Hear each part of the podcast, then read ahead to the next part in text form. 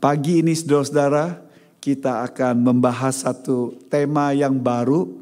Kita sudah dua bulan uh, dikasih makanan rohani theological, pikiran kita memikirkan tentang konsep tentang Tuhan dan hari ini dan minggu-minggu yang akan datang kita bahas hal yang praktis saudara-saudara.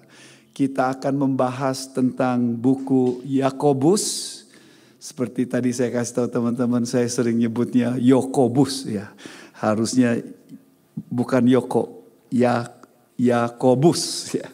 Buku Yakobus yang hanya lima pasal tetapi penuh dengan uh, penerapan kehidupan. Tidak ada kata imperatif yang paling banyak di dalam buku yang lain selain buku Yakobus ini saudara-saudara. Jadi ada kata perintahnya begitu banyak, sekitar ada 80 lebih dan hal ini mau menunjukkan bahwa Tuhan ingin menyatakan kepada kita kita tidak dibutuhkan uh, pendapatnya tetapi Tuhan ingin kita ketika baca buku Yakobus ini menerapkannya karena itu penting dalam kehidupan kita. Kita kasih seri tema buku Yakobus ini adalah hikmat dalam kehidupan, wisdom in living. Karena begitu banyak penerapan-penerapan yang praktis dan kalau saudara baca lima pasal itu enggak eh, sekitar 15 menit selesai atau kalau saudara baca dengar di YouTube tentang ulasannya nggak sampai 10 menit selesai. Jadi ini sesuatu yang bisa saudara baca dan diulang-ulang dan menolong kita semuanya.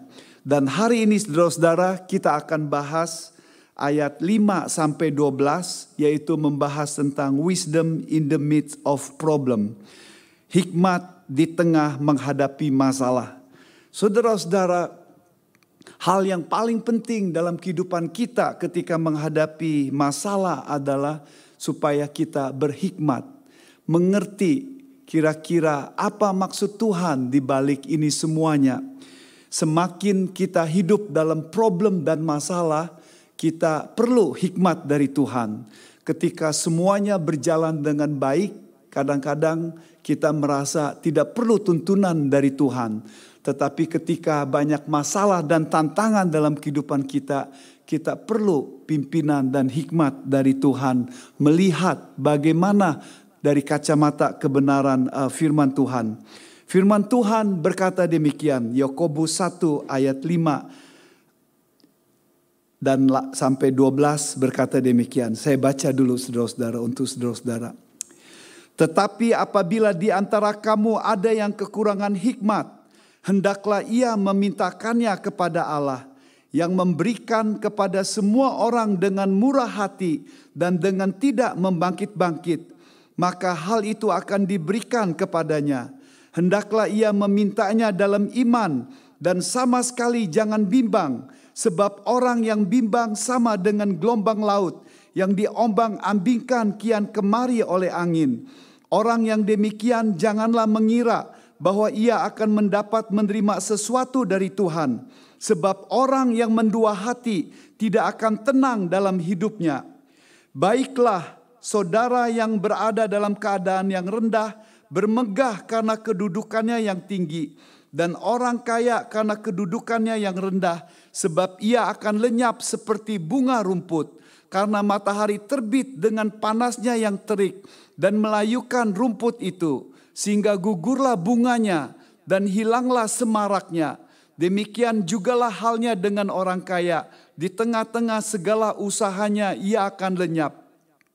Berbahagialah orang yang bertahan dalam pencobaan, sebab apabila ia sudah tahan uji, ia akan menerima mahkota kehidupan yang dijanjikan Allah kepada barang siapa yang mengasihi dia. Saudara-saudara coba perhatikan baik-baik nats ini dan saudara uh, baca dan juga kalau saudara ada Alkitab di tempat saudara, saudara bisa buka terus-menerus karena kita akan bahas uh, bagian ini. Saudara-saudara, yang pertama yang saya akan bahas adalah kita perlu hikmat di tengah masalah kehidupan kita. Kita perlu hikmat di tengah problem yang kita hadapi. Saudara perhatikan ayat 5 saudara-saudara. Ayat 5 berkata demikian. Tetapi apabila di antara kamu ada yang kekurangan hikmat, hendaklah ia memintanya kepada Allah. Saudara perhatikan baik-baik ayat ini saudara-saudara. Saya sebelumnya sudah berkhotbah ayat 2 sampai dengan ayat 4 ketika awal-awal waktu suasana Covid untuk menunjukkan bahwa ketika kita menghadapi masalah pencobaan yang bermacam-macam yang tiba-tiba datang dalam kehidupan kita, kita harus belajar respon menganggap sukacita. Kenapa sukacita? Karena suka respon yang bagus itu membuat kita bisa bertahan, bisa bertekun dalam menghadapi pencobaan itu. Lalu kemudian ayat 4 dijelaskan ketika kita bertekun maka kita akan mencapai goal yang diinginkan yaitu supaya kita karakter kita dibentuk sempurna seperti karakter Tuhan kita Yesus Kristus.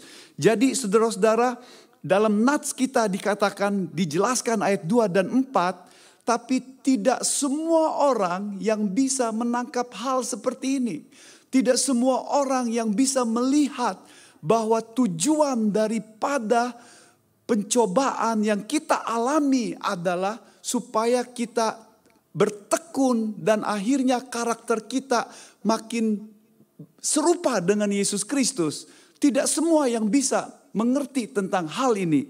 Itulah sebabnya ayat 5 Yakobus berkata demikian. Apabila di antara kamu ada yang kekurangan hikmat, artinya saudara-saudara, karena menghadapi masalah dan problem, kita perlu hikmat. Jadi Paul uh, Yakobus ingin menjelaskan dalam bagian ini mau menjelaskan bagian yang pertama ini ayat 5 sampai 8 we need wisdom in the midst of our suffering in our problem in our trial kita butuh hikmat dari Tuhan ketika menghadapi cobaan, masalah, penderitaan yang kita alami. Dia mulai dengan kalimat yang menarik saudara-saudara. Tetapi apabila di antara kamu ada yang kekurangan hikmat. Tetapi apabila di antara kamu ada yang kekurangan hikmat. Kalau kita baca bahasa Indonesianya sepertinya banyak orang yang punya hikmat. Akan tetapi saudara-saudara terjemahan literal daripada bahasa aslinya itu Kata tetapi bisa diterjemahkan since. Sejak di antara kamu ada yang kekurangan hikmat atau dengan kata lain bahwa pada umumnya kita kekurangan hikmat di dalam menghadapi masalah. Artinya Yakobus ingin memberitahu kepada kita banyak di antara kita ketika menghadapi masalah itu tidak berhikmat kecenderungan kita ketika menghadapi suffering, penderitaan, masalah adalah kita komplain, kita menggerutu, kita kesal, kita bertanya, why this happened to me? Mengapa ini terjadi pada saya? Dan tidak bertanya secara serius, sungguh-sungguh, mengapa ini terjadi dalam hal pandangan Tuhan.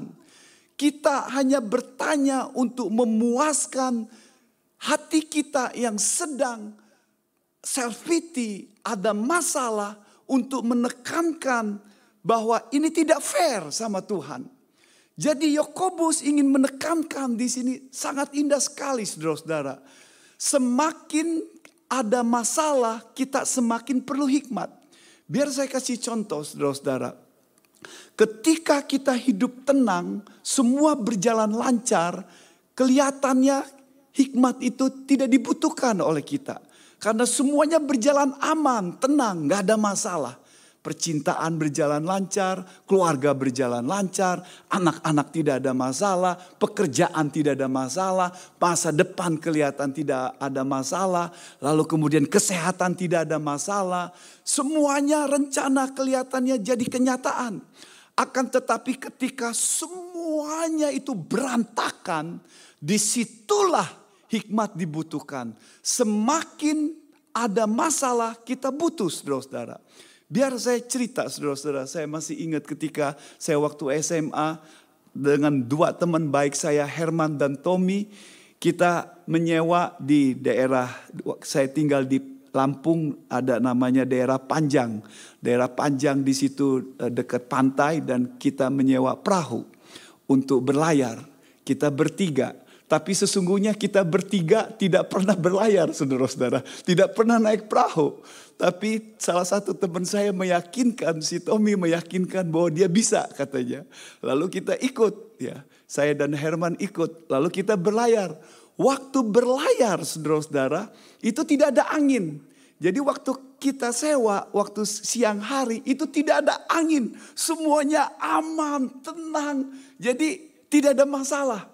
Lalu kemudian si punya empunya perahu ini juga lalu berkata, Oke okay, katanya, nanti kembalikan. Yes, kita kembalikan pada tempatnya. Lalu kita berlayar.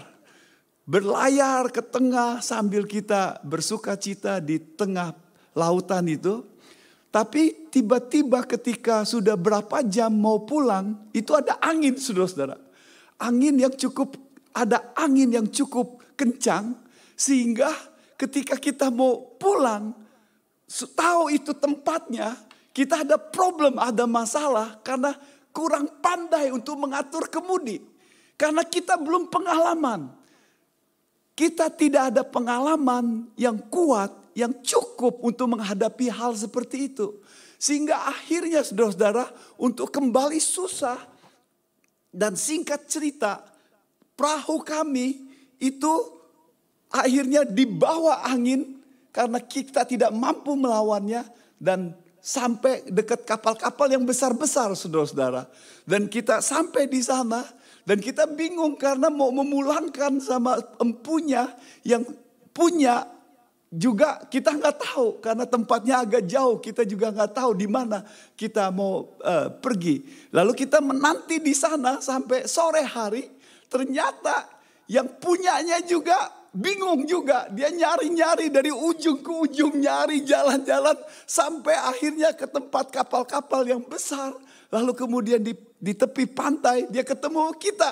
Lalu kemudian wah dia senang sekali. Kita juga senang karena akhirnya kita bisa pulang. Kalau enggak nggak bisa pulang. Kapal perahu yang kita uh, yang kita sewa harus kita jaga terus. Kalau enggak takut dicuri orang. Dan singkat cerita kita selesai. Tapi poin yang mau saya katakan adalah sama saudara-saudara. Ketika semua berjalan lancar, kita tidak perlu hal-hal yang berhubungan dengan keterampilan atau hikmat tertentu. Tapi ketika ada masalah, kita butuh itu saudara-saudara. Hikmat, hikmat yang dimaksud di sini adalah sangat menarik saudara-saudara. Hikmat di sini bahasa Yunaninya itu Sophia. Untuk mau menunjukkan dalam konteks hikmat, kalau saudara baca dalam perjanjian lama, banyak berhubungan hikmat itu berhubungan dengan skill, keterampilan, kemampuan untuk melakukan sesuatu dengan bagus. Hikmat dalam buku Amsal dikatakan berhubungan dengan orang yang takut akan Tuhan. Akan tetapi dalam nats kita saudara-saudara, hikmat yang dimaksudkan Yakobus di sini adalah bukan hikmat soal pengetahuan tentang Tuhan, tetapi hikmat bagaimana apa yang kita tahu tentang Tuhan itu kita terapkan dalam kehidupan sehari-hari. Jadi hikmat di sini adalah berhubungan dengan kemampuan kita, ability kita untuk melihat rencana Tuhan dalam kehidupan kita. Itu maksudnya saudara-saudara. Dan ketika kita mengetahui hal itu, kita bisa akan tenang dalam kehidupan kita. Hendaklah ia memintanya kepada Allah. Ketika kita tahu bahwa kita kekurangan hikmat menghadapi problem dan masalah, kita sering menggerutu, kita sering khawatir, kita sering uh, tidak tahu bagaimana situasinya dan was-was terus-menerus dan tidak tenang. Ayat ini berkata bahwa kita perlu minta kepada Tuhan. Kita perlu berdoa kepada Tuhan, minta hikmat kepada Tuhan yang memberikan kepada kita dengan murah hati dan tidak berbangkit-bangkit, artinya dia memberi dengan sukarela, maka diberikan kepada dia. Dengan kata lain, ketika kita berdoa, jangan sampai kita tidak punya iman. Nats berikutnya dikatakan, waktu kita meminta kepada Tuhan tentang hikmat dalam menghadapi problem dan masalah, kita jangan bimbang. Karena orang yang bimbang sama seperti gelombang laut. Saudara perhatikan gelombang laut. Gelombang laut itu mudah diombang-ambingkan kian kemari. Ombak yang mengombang-ambingkan sehingga tidak ada tenang saudara-saudara. Sama seperti itu. Orang yang mendua hati ketika minta sama Tuhan. Dia minta sama Tuhan, Tuhan beri hikmat saya dalam menghadapi problem dan masalah. Tetapi hatinya tidak percaya karena hidup dengan situasi dan keadaan yang menguasai hidup dia. Sehingga ketika dia berdoa dia bingung. Dia minta Allah itu berkuasa, Allah itu hidup, Allah itu berhikmat, Allah itu sanggup untuk campur tangan, Allah itu hadir di tengah situasi kita, Allah itu tidak pernah meninggalkan kita, Allah itu sanggup untuk buka jalan, tapi dalam kenyataannya dia hidup dalam suasana yang tidak ada kepercayaan, pikirannya, kepercayaannya dengan hidup dengan situasi dan keadaan. Di satu dia berdoa sama Tuhan, sesudah amin, bimbang, ketidakpercayaan dan khawatir menguasai kehidupannya. Seperti gelombang laut yang tidak tenang, yang tidak aman, yang tidak ada fondasi, yang tidak ada rest, yang selalu penuh dengan eh, glora dalam kehidupannya membingungkan. Alkitab berkata, Orang yang seperti ini jangan menerima sesuatu dari Tuhan. Sebab orang yang mendua hati tidak akan tenang dalam hidupnya. Selalu ingat saudara-saudara. Mendua hati tidak akan tenang dalam hidupnya. Dan seorang penafsir pakai istilah yang lain. Mempunyai dua jiwa katanya. Dikatakan satu pikiran ke surga, satu ke Tuhan, satu ke dunia. Dan banyak orang-orang Kristen, anak-anak muda yang bingung dengan hal seperti itu. Di satu sisi pengen kenikmatan dunia, di satu sisi pengen menyenangkan Tuhan, di satu pengen coba-coba, di satu sisi ingin melakukan ini yang Tuhan inginkan. Dan selama dia tidak punya konsep yang baik tentang Tuhan, selalu akan mendua hati. Dan nats kita berkata saudara-saudara, orang yang bimbang. Yang tidak percaya waktu berdoa sama Tuhan tidak mendapatkan apa-apa. Dalam konteks ini adalah bicara soal hikmat saudara-saudara. Satu tafsiran buku Yakobus yang bagus adalah Warren Wisby.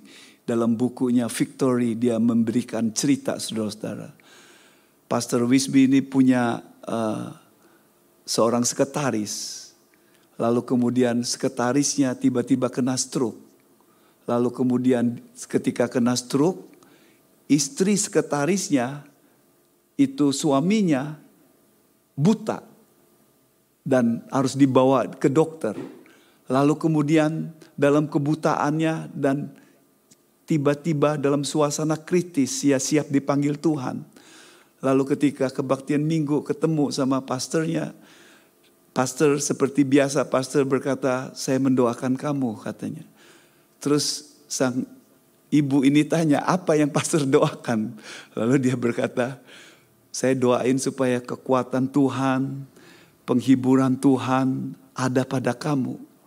Terus sang istri, ibu ini jawabnya bagus sekali saudara-saudara.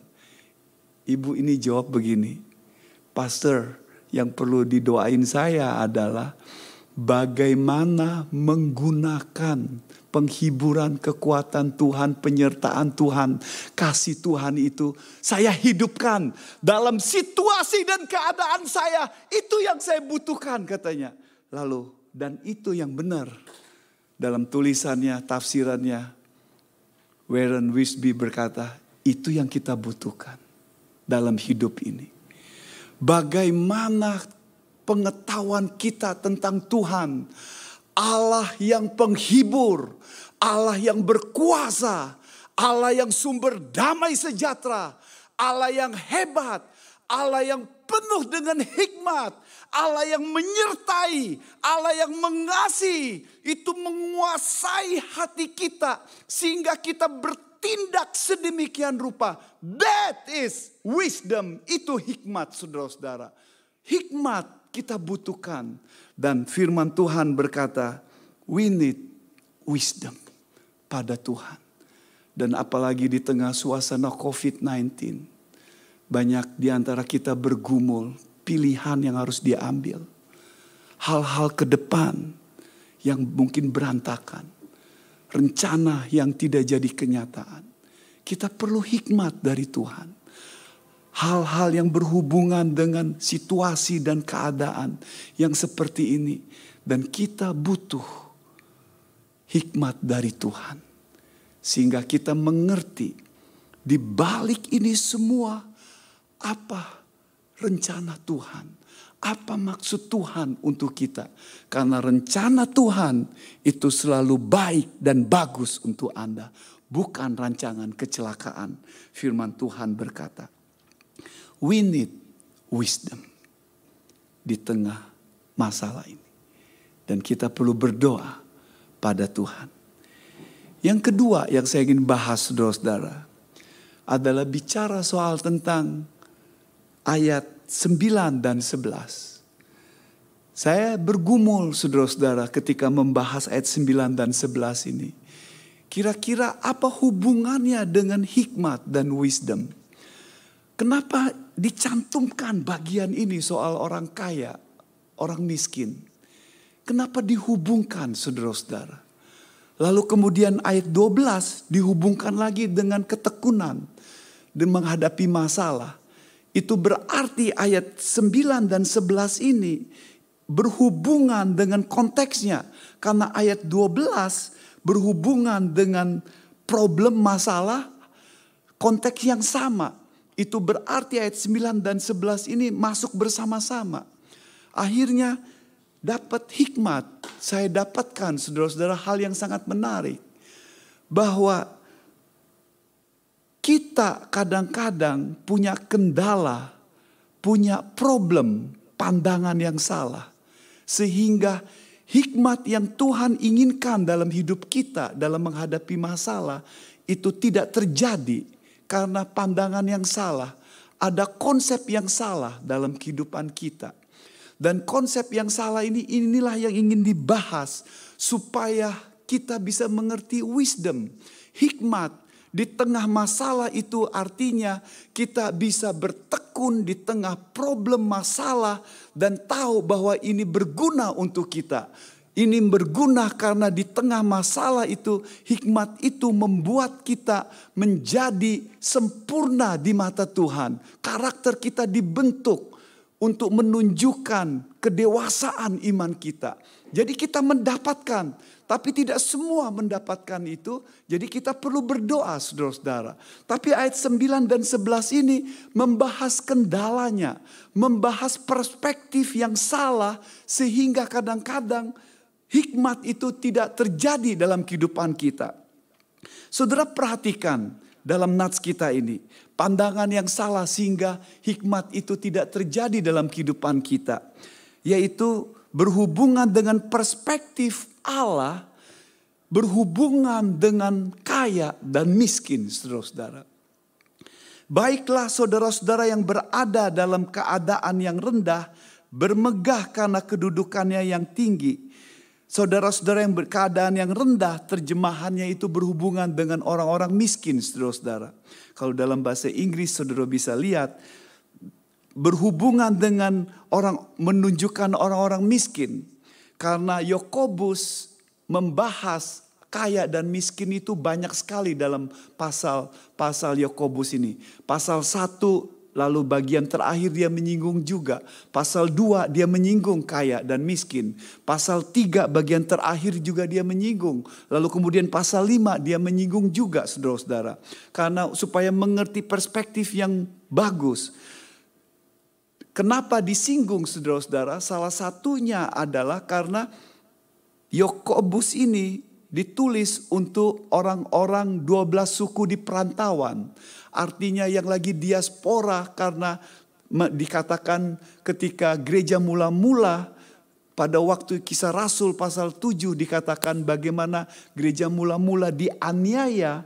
Lalu banyak di antara mereka yang latar belakang orang Kristen, latar belakang orang Yahudi itu pergi ke segala tempat, ke seluruh penjuru saudara-saudara dan dikatakan bahwa mereka latar belakang orang Yahudi. Karena latar belakang Yahudi jadi Kristen, mereka biasa perjanjian lama. Dan karena biasa perjanjian lama, makanya Yakobus dalam pasal 2 dia menyinggung soal Abraham, soal uh, Sarah, lalu kemudian soal Rahab. Dia singgung soal Yakobus, uh, uh, dia singgung soal Ayub pasal 5. Jadi hal yang biasa bagi latar belakang yang orang Kristen yang latar belakang Yahudi ini yang sudah jadi Kristen tapi bi mereka biasa perjanjian lama dan karena biasa perjanjian lama mereka biasa baca buku hikmat hikmat dalam perjanjian lama biasanya orang-orang Ibrani baca buku Amsal buku Ayub dan buku Kidung Agung dan buku Mazmur saudara-saudara jadi teologi mereka kalau tidak hati-hati itu masuk dalam pikiran mereka dan Yakobus ingin mengubah perspektif mereka saudara-saudara. Karena pada umumnya perspektif dari segi pandangan mereka adalah bahwa Allah itu adalah adil, Allah itu suci dan memberkati orang yang yang hidupnya baik sehingga prosper, sehingga kaya. Orang kaya itu diberkati Tuhan, orang miskin itu dihukum Tuhan karena hidupnya yang berdosa. Jadi teologi mereka itu yang terjadi dalam buku Ayub, saudara-saudara. Sadrak, uh, Elifas, Bildad, sama Jofar membuat teologianya yang simple, yang sederhana, yaitu bahwa orang kaya itu diberkati Tuhan, orang miskin itu dihukum Tuhan oleh karena ada dosa, ada sikap hidup yang tidak bagus.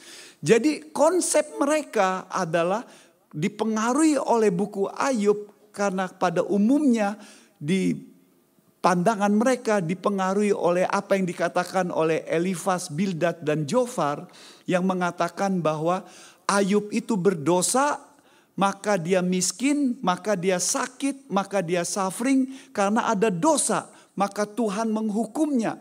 Jadi mereka menganggap Ayub berdosa. Jadi dalam konteks ini saudara-saudara konsep ini yang disebut namanya konsep retribution bahwa Allah itu maha adil, Allah itu maha suci, memberkati orang yang setia padanya, yang takut akan dia akan prosper, kaya dan sehat Sedangkan orang miskin itu dihukum Tuhan. Jadi dari bertitik tolak dari latar belakang yang seperti ini. Hikmat itu tidak terjadi. Karena hikmat itu tidak berhubungan dengan kaya dan miskin.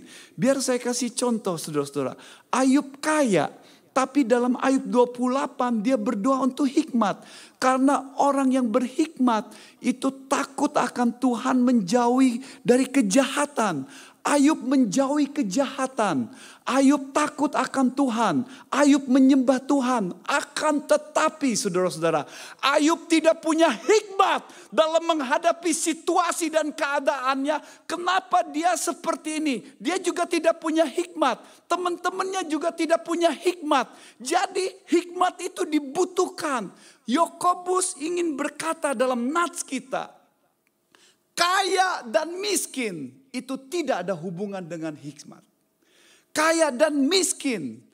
Orang bisa glamour, bisa kaya, bisa berhasil. Tapi mungkin dia tidak punya hikmat di mata Tuhan. Tetapi di satu sisi orang yang berkekurangan bisa punya hikmat. Jadi nats kita berkata demikian saudara-saudara. Semuanya kembali. Yakobus ingin mengajak bahwa semuanya harus kembali pada Yesus Kristus. Sama seperti dia. Dikatakan dia penulisnya adalah Yakobus, dikatakan saudara Yesus. Akan tetapi Yakobus mengerti dia saudara Yesus akan tetapi dia juga hamba Kristus Yesus. Dia adalah hamba Yesus Kristus. Dia menyembah Yesus Kristus. Saudara Yesus, tapi Yesus itu Tuhan. Yesus itu layak disembah Tuhan juru selamatnya. Jadi dia mengerti ini kembali kepada Yesus. Dia tahu siapa Yesus. Dan nats kita dikembalikan hal yang sama. Orang kaya dan miskin semuanya kaya dalam Kristus saudara. Jadi ayat 11, ayat 9 mau dikatakan, baiklah saudara yang berada dalam keadaannya yang rendah, yang miskin, bermegah karena kedudukannya yang tinggi. Artinya orang miskin itu bermegah karena kaya dalam Kristus. Dia bisa mungkin tidak punya apa-apa, akan tetapi dia kekayaan dalam Kristus ketika dia meninggal, dia nanti akan punya kekayaan dalam Kristus yang luar biasa, saudara-saudara. Jadi perspektif kita harus berbeda. Tetapi sebaliknya, karena tekanan kepada orang kaya, karena kecenderungan orang kaya itu perspektifnya sombong dan congkak, lupa sama Tuhan, dan banyak bergantung pada diri sendiri, dan banyak memamerkan harta dan fokus kedudukan. Makanya ayat 9 eh, dan 11 ini tekanannya kepada hati-hati kepada orang yang kaya. Bukan berarti kaya itu dosa, tetapi perspektif orang kaya itu harus benar dikatakan. Orang kaya karena kedudukannya yang rendah, sebab ia akan lenyap seperti bunga rumput, karena matahari terbit dengan panasnya yang terik dan melayukan rumput itu, sehingga gugurlah bunganya dan hilanglah semaraknya. Demikian juga halnya dengan orang kaya, di tengah-tengah segala usahanya ia akan lenyap. Yakobus berkata orang kaya itu di tengah glamournya, kekayaannya lenyap seketika. Artinya saudara-saudara, Yakobus ingin berkata bahwa ketika dia meninggal, saudara-saudara, ketika ada sesuatu terjadi seperti apa yang terjadi pada Ayub yang dalam seketika dia orang yang paling kaya, tapi kejadian alamiah menghancurkannya. Anaknya sepuluh meninggal, lalu dia suffering sakit, jadi orang yang kemungkinan besar orang yang paling miskin. Dari orang yang paling kaya menjadi orang yang paling miskin. Ingin mau menekankan saudara-saudara betapa kekayaan itu hanya sekejap seperti bunga yang mudah layu. Dan ketika meninggal dia kekayaannya ada di dunia tetapi kalau miskin di mata Tuhan dia akan menyedihkan sekali saudara-saudara. Jadi Yakobus ingin menekankan perspektif yang benar ketika menghadapi kehidupan dalam menghadapi penderitaan sehingga kita punya hikmat sehingga hikmat kita tidak tergantung kepada soal kekayaan, soal barang, soal uang, soal ketenangan, keenakan, tetapi berbicara soal perspektif dari Allah yang sesungguhnya kaya miskin, we are rich in Christ Jesus. Dalam Kristus Yesus itu semuanya sama saudara-saudara. Tidak ada bedanya, sama. Ketika kita miskin, tidak punya mungkin banyak hal. Tapi kita punya Yesus Kristus yang kaya, sehingga membuat kita perspektif kita, harga diri kita tidak diukur oleh barang, tidak di identitas kita tidak diukur oleh apa yang kita punya, tapi diukur oleh apa yang Yesus berikan bagi kita, Saudara-saudara. We have Jesus.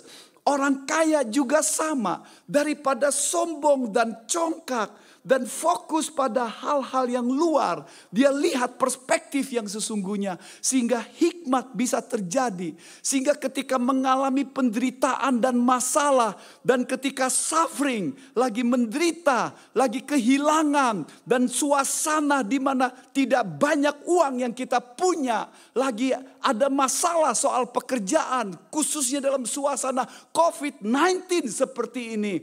Jangan menganggap kita sepertinya merasa rendah diri, lalu komplain, menggerutu terus-menerus, tetapi kita dengan tenang bisa melihat hikmat dari Tuhan. Apa maksud di balik ini semuanya? Dan sehingga kita bisa bertumbuh, sehingga kita bisa mendapatkan bahwa rencana Tuhan untuk seperti ini adalah supaya saya bertekun, supaya karakter saya, iman saya teruji dan terbukti saya mencintai Tuhan, bukan barang, bukan kesehatan yang saya cintai. Ayat ini saudara-saudara ditutup ayat 12. Dan ini bagian ketiga yang kita mau bahas. We need wisdom kita perlu hikmat ketika menghadapi masalah. Dan kita perlu berdoa untuk hikmat ini. Yang kedua, kita perlu pandangan yang benar ketika menghadapi masalah itu. Sehingga hikmat itu, sehingga rencana Tuhan supaya kita bertekun di tengah masalah dan kita karakter kita seperti Kristus itu menjadi kenyataan. Dan yang ketiga yang kita mau bahas bagian ini adalah kita perlu hikmat fokus kepada Tuhan kita. Ayat 12 ini kembali fokus kepada Tuhan. Fokus kepada kebenaran Tuhan di tengah apa yang kita hadapi. Yakobus ingin mengulang kembali saudara-saudara. Dia ingin mengulang bahwa iman itu perlu dites, perlu diuji. Persoalan, pergumulan, cobaan bukan hasil daripada iman. Tetapi iman itu perlu diuji. Sesuatu yang baik, sesuatu yang bagus perlu diuji Emas perlu diuji, berlian perlu diuji. Semua yang ber, yang bagus, yang berkualitas kita tahu bahwa perlu ujian, sudah diuji dengan bagus. Nats kita berkata demikian. Berbahagialah orang yang bertahan dalam pencobaan, sebab apabila ia sudah tahan uji, ia akan menerima mahkota kehidupan yang dijanjikan Allah kepada barang siapa yang mengasihi Dia. Ini ayat yang bagus sekali yang merangkumkan khotbah kita saudara-saudara. Hikmat yang kita butuhkan adalah yaitu supaya kita bisa bertahan dalam pencobaan. Kenapa kita perlu bertahan dalam pencobaan? Karena hikmat kita dari Tuhan katakan ketika kita bertahan ayat 4 katakan kita bisa menjadi karakter seperti Kristus Yesus. Iman kita terbukti bagus, saudara-saudara. Dan nats kita dikatakan fokus kepada Allah. Jangan fokus pada situasi dan keadaan. Fokus kepada Allah, apa yang Allah berikan. Saudara-saudara ini sangat menarik saudara-saudara. Istilah pencobaan dan ujian dalam bahasa Yunaninya sama yaitu diterjemahkan bahasa Indonesia bisa cobaan atau ujian. Banyak yang berkata bahwa kalau pencobaan itu uh, dari iblis, kalau ujian itu dari Allah. Tapi sesungguhnya saudara-saudara mau istilah cobaan atau ujian itu sama saja terjemahan bahasa Yunaninya konteksnya yang akan menentukan. Jadi dalam nats kita di sini dikatakan adalah pencobaan itu bukan dari Tuhan. Nah, minggu depan kita akan bahas lebih lanjut. Dan itu bisa terjadi dalam setiap kita ber, uh, terus-menerus. Lalu ayat ini dikatakan bahwa iman kita itu perlu diuji, saudara-saudara. Seperti saya katakan, penderitaan, masalah bukan buah dari iman kita. Tapi iman itu perlu tested, perlu diuji, perlu dites. Dan ini yang sangat menarik saudara-saudara. Biar saya jelaskan saudara-saudara. Istilah uji ini sangat menarik dari segi Alkitab. Istilah uji, tahan uji saudara-saudara, ada dua pengertian dalam Alkitab. Saudara catat baik-baik. Uji yang pertama itu mau menyatakan kenyataan yang sesungguhnya. Faktanya seperti itu. Iman kita diuji supaya iman kita itu dimurnikan sesuai faktanya memang kita punya iman. Petrus pakai istilah ini ketika dalam satu Petrus pasal 1 dikatakan iman kita diuji supaya seperti emas. Emas itu diuji supaya kemurnian emasnya terlihat. Jadi ujian yang pertama adalah iman kita teruji supaya emas kita, uh, iman kita seperti emas yang teruji. Yang kedua, saudara-saudara, ini yang sangat menarik istilah uji ini. Istilah kedua ini teruji berarti promosi. Timotius istilah yang sama dipakai ketika Paulus berkata pada Timotius sudah teruji, maka sekarang dia dipromosikan untuk dipercayakan tanggung jawab untuk datang ke jemaat Filipi. Yesus memakai istilah yang sama ketika orang dipercayai dengan tanggung jawabnya, lalu dia setia, Lalu dipromosikan tanggung jawab yang besar. Dan istilah promosi ini sangat menarik karena banyak di antara kita mengerti. Kalau saudara melamar kerja, saudara diuji, dites selama enam bulan atau tiga bulan pencobaan. Kalau saudara lulus, saudara promosi jadi pegawai tetap. Dan konsep ini saudara-saudara hal yang sama. Dan nats kita saudara-saudara dalam konteks ini sangat menarik. Dalam ayat 12 ini saudara-saudara, dua pengertian ini jadi satu. Iman kita teruji artinya iman kita itu murni ikut Yesus Kristus. Tidak tergantung dengan situasi masalah kesehatan, ada berkat atau tidak berkat. Iman kita ikut Yesus itu tetap tidak terpengaruh dengan problem dan masalah yang kita hadapi. Yang kedua, teruji dalam arti kata dalam ayat 12 ini ada promosi, ada sesuatu yang Tuhan berikan dan nats kita dikatakan ia akan menerima mahkota kehidupan yang dijanjikan Allah kepada barang siapa yang mengasihi dia. Saudara-saudara lihat, sesudah tahan uji murni ayat 12 ini ada promosi dijanjikan oleh Tuhan ada upah yang Tuhan berikan bagi yang setia dalam pencobaan tersebut. Bagi orang yang berhikmat, ada dikatakan janji yang khusus, yaitu mahkota kehidupan. Saudara-saudara, apa arti mahkota kehidupan? Saudara-saudara, ini menarik sekali. Mahkota kehidupan dalam Alkitab soal crown ini banyak diberikan. Kalau saudara baca ada banyak crown kehidupan. Petrus untuk orang-orang yang melayani domba-domba ada mahkota yang kemuliaan. Bagi orang yang terus berharap menantikan Tuhan dan cinta sama Yesus ada mahkota kebenaran 1 2 Timotius 4 ayat ke-8. Lalu kemudian bagi orang yang bertanding di tengah pertandingan yang diberikan 1 Korintus 9 ayat 25 dan 26 mahkota yang tidak akan binasa. Tapi dalam nats kita saudara-saudara bicara mahkota kehidupan. Mahkota kehidupan di nats-nats yang lain, saudara perhatikan baik-baik. Di nats yang lain mahkota itu berhubungan soal masa depan.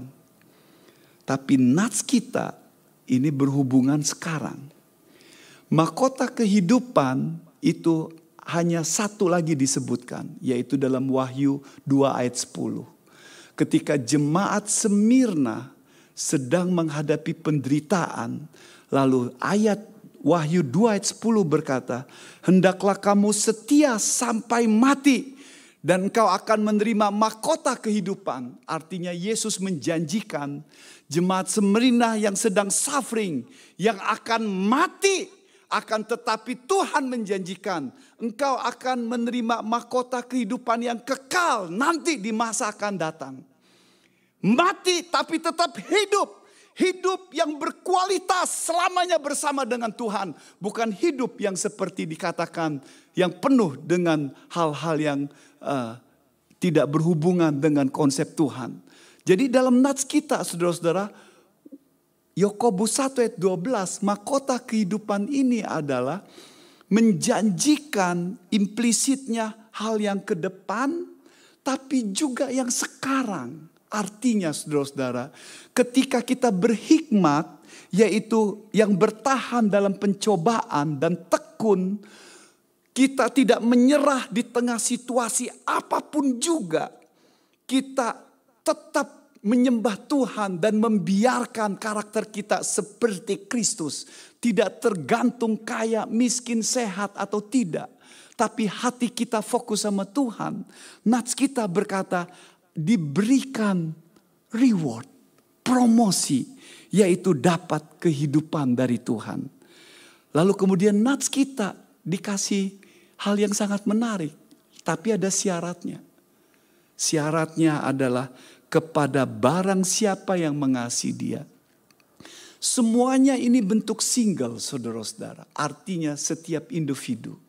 Saudara bisa suami istri, bisa suami berhikmat menghadapi problem dan masalah, bisa tidak. Istri bisa berhikmat, bisa tidak. Jadi setiap individu pribadi lepas pribadi kita harus mempunyai hikmat di hadapan Tuhan. Sehingga kita di tengah hikmat ini yaitu bertahan dalam pencobaan dan kita akhirnya makin karakter kita serupa dengan Kristus. Hikmat ini jadi kenyataan yaitu bagi kita yang mengasihi dia. Jadi ini sangat menarik. Love Jesus itu sebagai fondasi. Love Jesus sebagai kekuatan. Love Jesus sebagai motivasi sehingga kita bisa bertahan di dalam penderitaan tersebut, saudara-saudara. Kalau saudara bergumul, ada masalah dalam penderitaan, coba perhatikan you love to Jesus. Kadang-kadang ada problem. Love to Jesus artinya kita menyembah Yesus sebagai Tuhan dan Juru Selamat kita. No matter what circumstances, situasi, apa yang terjadi dalam keadaan kita kaya, miskin, sehat, tidak sehat, keadaan saya seperti ini, saya tetap menyembah Tuhan. That's orang yang mengasihi dia. Dan orang yang mengasihi dia inilah yang akan kuat, yang mampu, yang mempunyai hikmat di dalam kehidupannya. Dan diberikan kehidupan dalam masa sekarang ini, saudara-saudara. Upah diberikan sekarang. Saudara, Eksegesis ini dibenarkan karena dalam 1 Petrus 3 ayat 7 suami istri itu dikatakan suami-suami sebagai orang yang harus hidup tahu siapa istrinya dan berhikmat. Dia sebagai teman pewaris teman pewaris kasih karunia yaitu kehidupan. Artinya dalam kehidupan sekarang ini suami istri bisa mendapatkan kehidupan yang Tuhan inginkan. Bukan nanti dan itu sejalan dalam Yohanes ketika menjelaskan hidup yang kekal. Artinya hidup yang diinginkan Tuhan, hidup yang sejalan yang Tuhan inginkan, bukan hidup yang selfish, yang egois, yang tergantung pada situasi, kondisi, keadaan, dan hanya temporal dan hanya perspektif bendawi semata-mata. Bukan seperti itu. Biar saya tutup, saudara-saudara, supaya mengerti apa yang saya katakan semuanya ini soal hikmat cerita tentang seseorang yang sangat luar biasa sekali. Namanya Johnny Erickson Tada. Saya baca ceritanya dan tidak jemu-jemu saudara-saudara. Lihat Johnny Erickson Tada. Gambar ini Dia sekitar sudah umur 71 tahun. Waktu dia umur 17, dia menyelam. Lalu kemudian ketika dia menyelam kena bagian dasar yang berbatu. Lalu bagiannya pat, patah. Lehernya patah. Lehernya ada masalah mengganggu seluruh tubuhnya. Gadis 17 yang cantik. Dia berenang bersama saudaranya. Saudaranya menolong dia. Lalu kemudian dia mendapatkan akhirnya singkat cerita masuk rumah sakit. Dokter katakan bagian belakangnya tulang lehernya sampai ke belakangnya itu terganggu. Seumur hidup dia tidak bisa berjalan. Tidak bisa menggerakkan tangan, tidak bisa menggerakkan kaki. Kalau seandainya bisa hidup, akan hidup di kursi roda dan butuh pertolongan orang seumur hidupnya. Coba bayangkan saudara-saudara, gadis seperti itu. Saudara tanya sama dia apakah depresi? Yes dia depresi. Dia mau give up, dia menyerah. Tapi seseorang kasih ayat sama dia di Yesaya. Yang ayatnya kira-kira berbunyi bahwa di tengah jalan kegelapan Tuhan akan menuntun dia, akan memegang dia. Johnny Erickson berkata, saya butuh hikmat dari Tuhan karena tidak ada harapan dalam hidup saya. Saya bergantung di tengah gelap hidup saya. Saya berharap pada Dia, bergantung. Saya belajar perlahan-lahan melihat dan punya hati gratitude yang simple. Saya mengucap syukur yang kecil-kecil karena saya tinggal di rumah sakit yang dekat jendela. Saya mengucap syukur bisa melihat keluar. Saya mengucap syukur atas perawat. Saya mengucap syukur saya masih bisa hidup. Ketika pelukis mengajar dia untuk pakai mulut, untuk melukis. Susah capek. Tapi dia berkata, saya mengucap syukur. Saya masih bisa pakai mulut saya untuk melukis. Dan dia belajar melukis. Saudara-saudara hal kecil dia mengucap syukur. Dan singkat cerita, akhirnya dia dipakai Tuhan luar biasa. Saudara-saudara, umur 33 tahun, sekitar 30 tahun lebih, seorang anak muda keturunan Jepang, warga negara Amerika, namanya Kentada, jatuh cinta pada dia. Cinta yang luar biasa. Dia tahu Erik, Johnny Erickson gak bisa punya anak belum tentu memuaskan seknya. Dia tahu dia akan menggendong, memelihara setiap hari di tengah kesakitan suffering. Tapi Memberikan Johnny Erickson seorang suami yang punya hati seperti itu. Dan mereka menikmati kehidupan. Dan mereka dapat upahnya. Johnny Erickson dalam bukunya dia bilang seperti ini bagaimana hikmat Tuhan dia dapatkan. Dia berkata demikian saudara-saudara. Coba dengar baik-baik saya terjemahkan secara langsung saudara-saudara. Allah mengatur segala situasi. Allah adalah engineering daripada situasi. Dia memakai situasi untuk membuktikan dirinya dan juga untuk membuktikan kesetiaan saya. Tidak semua orang mempunyai kesempatan istimewa seperti ini.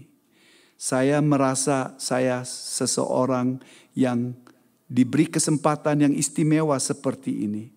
Allah mempercayakan saya pada pengalaman seperti ini.